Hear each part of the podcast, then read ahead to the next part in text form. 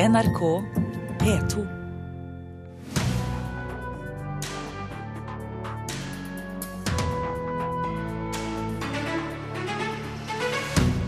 Nasjonalmuseet får kritikk for for lite samarbeid med private samlere. Stein Erik Hagen ville aldri donert kunstverkene sine til staten, men låner dem gjerne bort. Mediene var lite kritiske etter storbrannen i Lærdal, viser gjennomgang av pressedekningen. Og unge filmskapere i Lillehammer har funnet en spesiell nisje. Lager film av norske folkeeventyr, men ikke slik du tror.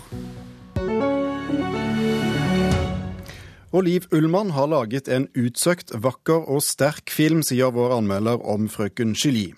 Hvis vi aksepterer at den er teatralsk. Her er Kulturnytt tirsdag med Thomas Alverstein Ove i studio. Private norskeide kunstsamlinger kan ende opp i utlandet dersom Nasjonalmuseet ikke tar affære.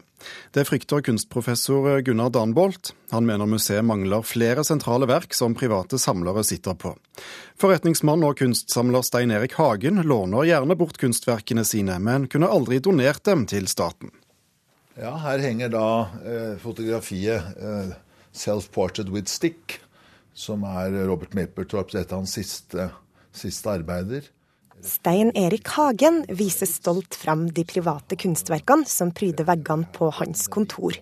I tillegg til å være forretningsmann, er han også en svært ivrig kunstsamler. Hvor mange er det du har? Ca. 1800. Nei, de er en del er i mine forskjellige hjem, og hos mine barn har noen hjemme. Eh, så har eh, vi på kontoret, men det meste er utlånt til museer. For Hagen er en av de norske private kunstsamlerne som har lånt bort sin kunst til museene. Det er noe også Nasjonalmuseet burde ta tak i. Det sier Gunnar Danbolt, som er professor emeritus i kunsthistorie ved Universitetet i Bergen. Det har lenge vært kjent at Hagen og andre samlere har vært interessert i å bidra med bl.a. kunstsamlingen. Men Danbolt mener Nasjonalmuseet har tatt for lite initiativ til å få disse private samlingene inn på museet.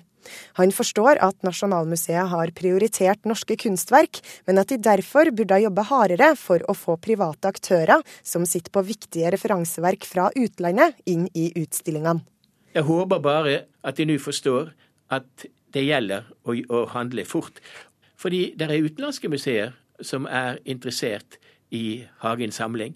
Og de vil være mye mer pågående. Og det er klart at eh, det ville være ytterst beklagelig om eh, f.eks. Hagens samling endte i Danmark. Det nye Nasjonalmuseet på Vestbanen åpner for publikum i 2020. Danbolt mener ledelsen ikke har prioritert kunsten godt nok i planleggingsfasen. Så må de er tilfreds med at man får et stort, nytt bygg, uten at de tenker på innholdet. Vi er ikke bare opptatt av at de skal få et nytt bygg, men hva vi skal putte inn i dette bygget. Det svarer direktør for Nasjonalmuseet, Audun Eckhoff. Han forteller at de nylig har tatt offisiell kontakt med Stein Erik Hagen om hans samling, men at de også tidligere har hatt samtaler med andre private samlere. Det er ikke sånn at vi ikke har hatt kontakt, og nå plutselig tar kontakt. Så, men museet har mange kontakter som vi av naturlige grunner ikke går ut med til offentligheten. Stein Erik Hagen forteller at kontakten med Nasjonalmuseet har vært god, og har nå avtalt møter med både direktør Audun Eckhoff og kulturministeren. Hagen forteller at han mer enn gjerne låner bort sin kunst, men at en donasjon er mindre sannsynlig. Altså Gi til den norske stat er jeg ikke sikker på at jeg er den som ivrer mest for å gjøre når man ser hvordan f.eks. Stenersens og andre donasjoner har blitt behandlet. Men man kan finne andre ordninger som jeg tror ivaretar på samme måte. Der har jo Kristen Sveås gått foran med et godt eksempel. Reporter i denne saken, det var Åsta Hoem Hagen. Kulturkommentator her i NRK, Agnes Moxnes. For å ta det siste først. Hva er det Stein Erik Hagen sikter til på slutten her når han nevner Kristen Sveås? Ja, Det Kristen Sveås har gjort, er at han har bygget opp et eget museum på eh, Kistefoss. Og det kan jo bety at Stein Erik Hagen tenker i samme baner. Iallfall så vet vi jo nå, etter å ha sett eh, bildene hans utstilt både på Munch-museet og i, eh, i, Bergen, at han har en betydelig samling norsk, eller nordisk 1900-tallskunst. Og at han også har denne samlingen med den amerikanske fotografen Robert Mapplethorpe, som vi hørte han refererer eh, til tidlig i dette intervjuet her. Hvorfor kommer denne kritikken mot Nasjonalmuseet? Det er jo en veldig skarp og veldig tydelig kritikk fra en av de eh, mest profilerte og, og, og klart mest også uavhengige røstene i Kunst-Norge, nemlig Gunnar Danbolt, som jo rett og slett krever at Nasjonalmuseet bretter opp ermene og sikrer at eh, museet får en bedre samling enn det de har. Han skriver i kronikken sin i Aftenposten at, at, en, at Nasjonalmuseets samlinger rett og slett er for puslete. Og, og, dette er selvfølgelig særlig viktig nå, når vi er i ferd med å få et nytt eh, nasjonalmuseum, som kommer til å bli det dyreste kulturbygget vi har satt opp i Norge, til over fem milliarder kroner. Og da er det viktig at man går nye veier, og at eh, selv om Audun Eckhoff sier her at man har planer og man snakker og sånt nå, så vi, eh, ser vi foreløpig ingen konkrete resultater av det. Stein Erik Hagen sier han ikke vil donere, men kan tenke seg å låne bort kunstverk. Hvorfor det? Nei, Han er jo en av mange som har hatt et nokså frustrerende møte både med kommune og stat når de har ønsket å gi bort kunst. Noen ganger må stat og kommune si nei takk til kunst som blir gitt til dem. Men hvis de sier ja takk, så må de behandle kunsten med respekt og ordentlig. Og det er nok veldig mange smertefulle historier i så måte. Men det vi snakker om her, er jo rett og slett å bruke kunsten til eh, Stein Eirik Hagen i eh, Nasjonalmuseets samling, altså for å vise det i, i, i, i utstillinger som kompletterer det museet selv har. Agnes Moxnes, takk skal du ha.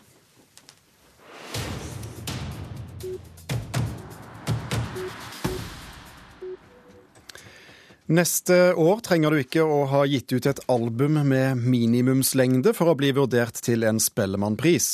Det vil være nok å ha gitt ut musikk som til sammen tilsvarer en 25 minutter lang spilleliste. Styreleder i Spellemann, Marte Thorsby, sier til VG at det er viktig å tilpasse seg trendene. Musikkbransjen er i endring, og flere slipper enkeltlåter og EP-er i stedet for tradisjonelle album. Tidligere teatersjef ved Den nasjonale scene i Bergen, Bjarte Hjelmeland, mener dagens ledelse ved teateret farer med løgn og prøver å sverte ettermælet hans. Det skriver Bergens Tidende i dag. Hjelmeland mener styreleder og direktør prøver å rette fokus mot hans tid som teatersjef for å dra oppmerksomheten bort fra den langvarige konflikten som fulgte da produksjonsteknisk leder fikk sparken. En konflikt sittende ledelse har brukt seks millioner kroner på. Kommunikasjonssjefen ved teateret sier at Hjelmelands påstander om løgn faller på sin egen urimelighet.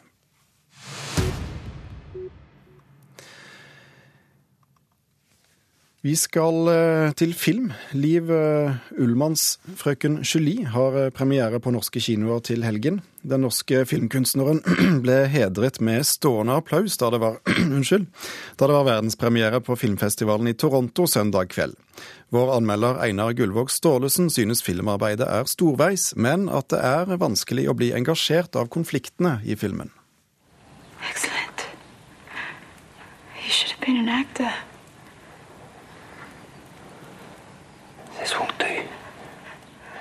Regissør Liv Ullmann hvisker Strindbergs klassestudie og sjelegransking. Filmens skuespill er lavmælt og stillferdig i det ytre frem til konfliktlinjene kolliderer i siste halvtimen. Uttrykket er stilisert og i noen situasjoner på grensen til kunstig, både fordi tiden krever sin design og fordi tidsånden er så fordums at dramaet bare fungerer i fortid. Slik er det her i denne formidlingen.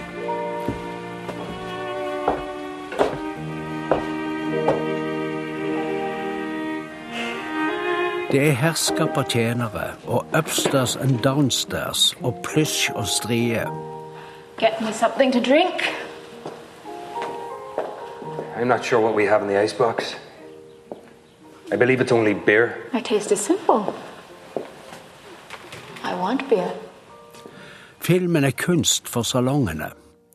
Det forholder også skuespillerne seg til, i første rekke Colin Farrell. Han er mest teatralsk.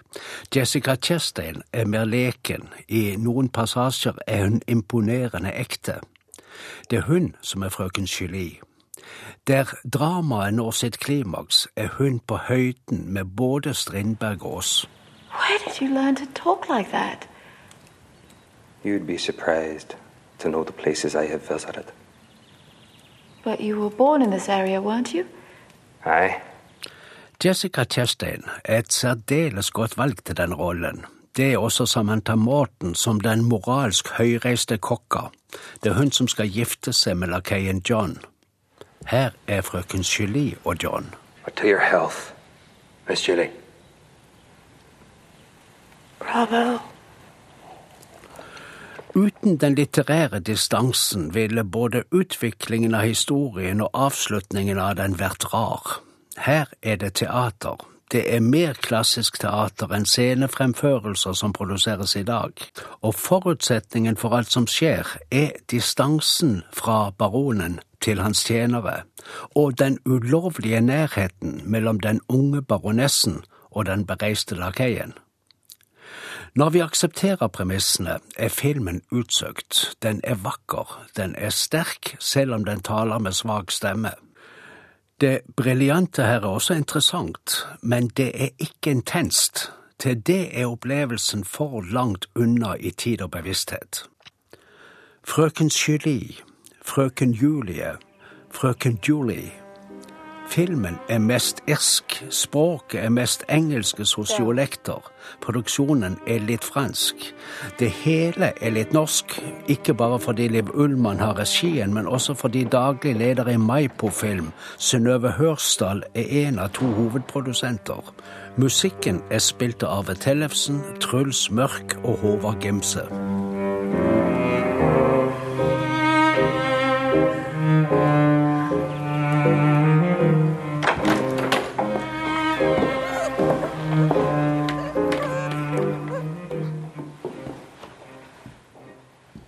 Einar Gullvåg Staalesen anmeldte Liv Ullmanns 'Frøken Julie', som har premiere på norske kinoer på fredag.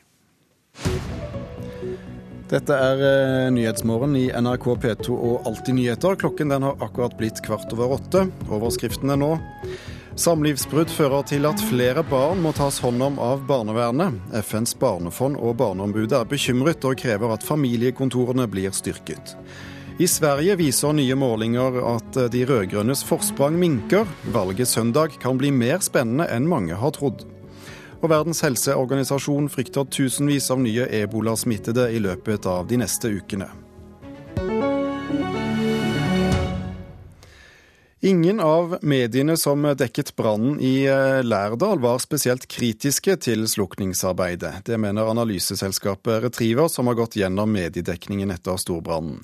Til sammen ble det publisert nesten 7000 artikler, reportasjer og TV-innslag om eh, katastrofen. Jeg tror at en del av årsaken til det er at dette var en så stor katastrofe, og at Norges befolkning hadde medlidenhet med, med Lærdal og innbyggerne her, som gjorde at man ikke ønska egentlig å finne noen syndebukker. Man ønska heller å dyrke heltene. Sier Nilsen om hvorfor mediene var lite kritiske under og etter brannen i Lærdal. Medieanalyseselskapet Retriever har gått gjennom dekningen etter storbrannen i januar, der 40 bygninger brant ned til grunnen. Selv om det var negative saker, som at kommunen fikk kritikk for dårlig brannforebyggende arbeid i en tilsynsrapport året før, forsvant disse fort ut av mediebildet. Mediene hadde jo noen kritiske vinklinger. og det er klart at Man løfta den kritiske informasjonen man fikk, bl.a. det at det forelå en, en, rapport fra året før eh, som reiste problemstillinger. Eh, men den typen vinklinger ble lagt døde ganske fort. Det ble imøtegått, og det ble eh, rydda av veien fra kommunens side. Marianne Åretun Rode, som mistet huset sitt i brannen, syns det er bra at media ikke så etter syndebukker rett etterpå, men at det nå er på tide å sette et kritisk søkelys på kommunen. Vi trengte ikke noen kritiske spørsmål i begynnelsen, men, men eh, akkurat nå kan vi godt ha en debatt om litt. Jeg tror vi alle vil komme styrka ut der, og våge å, være litt uenige om ulike ting. Ordfører i Lærdal, Jan Geir Solheim, tror noe av grunnen til at analyseselskapet fant lite negativt om kommunen i media, er at det ble gjort lite feil. Men det var etter min oppfatning ikke grunn til å, å skrive noe kritisk, fordi vi må huske hva som egentlig skjedde her. Det var en enorm brannkatastrofe, og ingen menneskeliv gikk tapt. Så helheten i bildet syns jeg er godt. Reporter i denne saken var Sindre Sunde Tveit. Det blir ingen stor prisgalla i forbindelse med utdelingen av Nordisk råds priser i år. Det har den svenske kringkasteren SVT bestemt. I stedet satser kanalen på direktesendte samtaler med prisvinnerne. Generalsekretær Espen Stedje i Foreningen Norden i Norge synes det er beklagelig. Jeg syns jo at det er beklagelig at man ikke velger å ha, sende direkte fra, fra prisutdelingen. Kjære, kjære alle sammen. Velkommen til Den norske opera og ballett i Oslo. Hans Olav Brenner og Sofia Helin var programledere da Nordisk råds priser innen kunst, kultur og miljø ble delt ut i Operaen i Oslo i fjor. Svar på hvem som har levert det aller beste innen nordisk kunst, kultur og miljøvern. For første gang ble prisene delt ut i form av ei direktesendt gallaframsyning på de nordiske statskanalene. Men slik blir det ikke i år. Eh, når det gjelder TV-sending, så har Sveriges Television valgt å gjøre et spesialprogram en time langt som sendes et par timer senere, dvs. Si mellom 10 og 11 på kvelden samme kveld. Det sier informasjonssjef i Nordisk råd, Bodil Tingsby. Interesset for galor er ganske begrenset i Sverige. Interessen for gallaer i Sverige er liten, og det hjelper ikke på når mange av de nominerte er ukjente navn for de fleste svensker. Det sier Klara Mannheimer i Sveriges Televisjon. I stedet for vil kanalen sende samtaler med prisvinnerne i etterkant av selve utdelinga. Som et Skavlan-program. Altså med en, en programleder som er en kjent svensk eh, kulturprogramleder og sen blir det alle de ulike eh, vinnerne. Men Espen Stedje i Foreningen Norden mener fjorårets galla var med på å skape nordisk samhold. Det skaper jo en, en, nordisk offentlighet. Eh, vi kunne sitte samtidig i hele Norden og se på det samme programmet, noe som hadde styrket eh, fellesskapsfølelsen i, i Norden. Ja, Det sa Espen Stedje i Foreningen Norden til reporter Lars Ivar Nordahl. Dette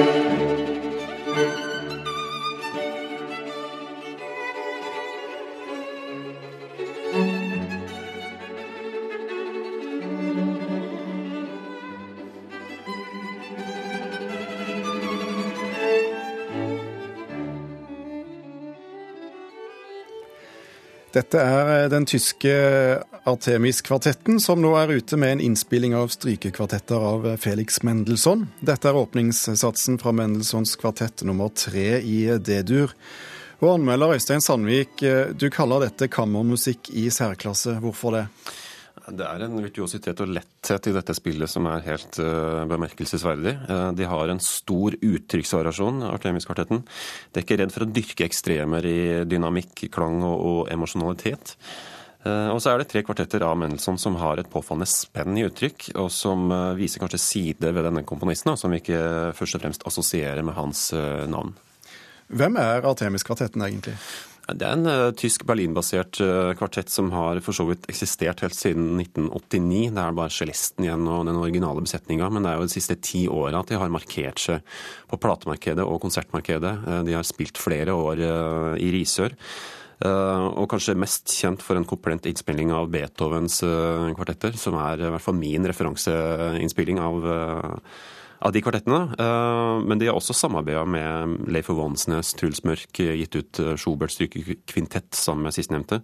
Men dette er første gang de gir seg da i kast med Mendelssohn.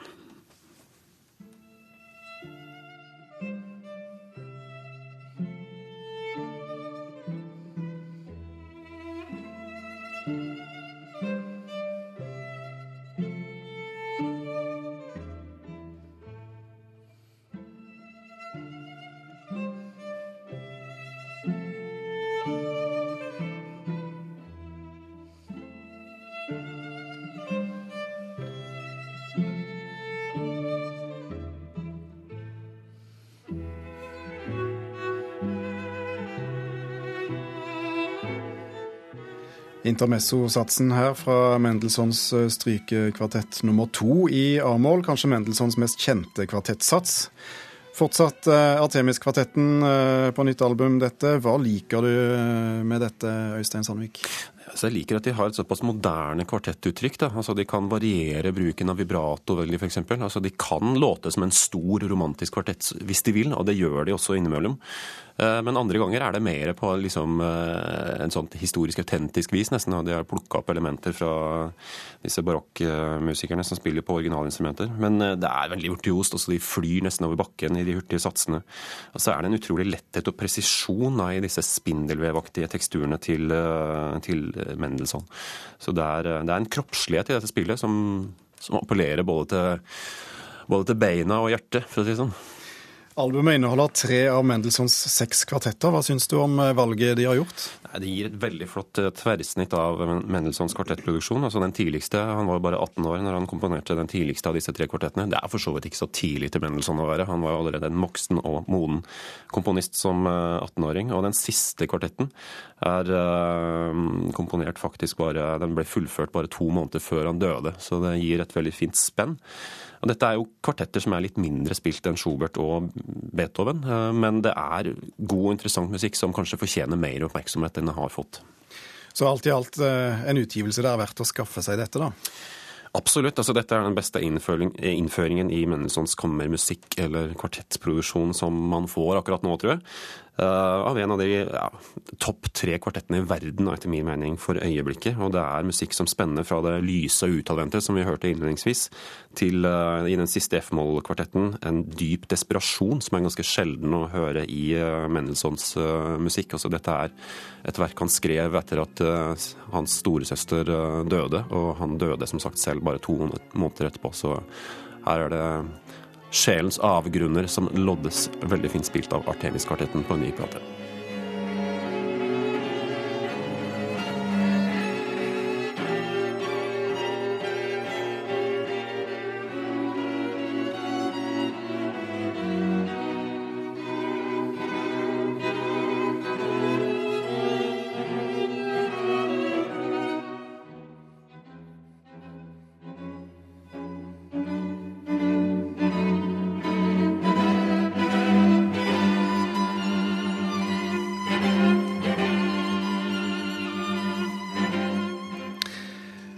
Felix Mendelssohns eh, strykekvartetter eh, på ny plate med Artemis-kvartetten, anmeldt av eh, Øystein Sandvik. Og Artemis-kvartetten kommer til Gamle Losjen i Oslo i november.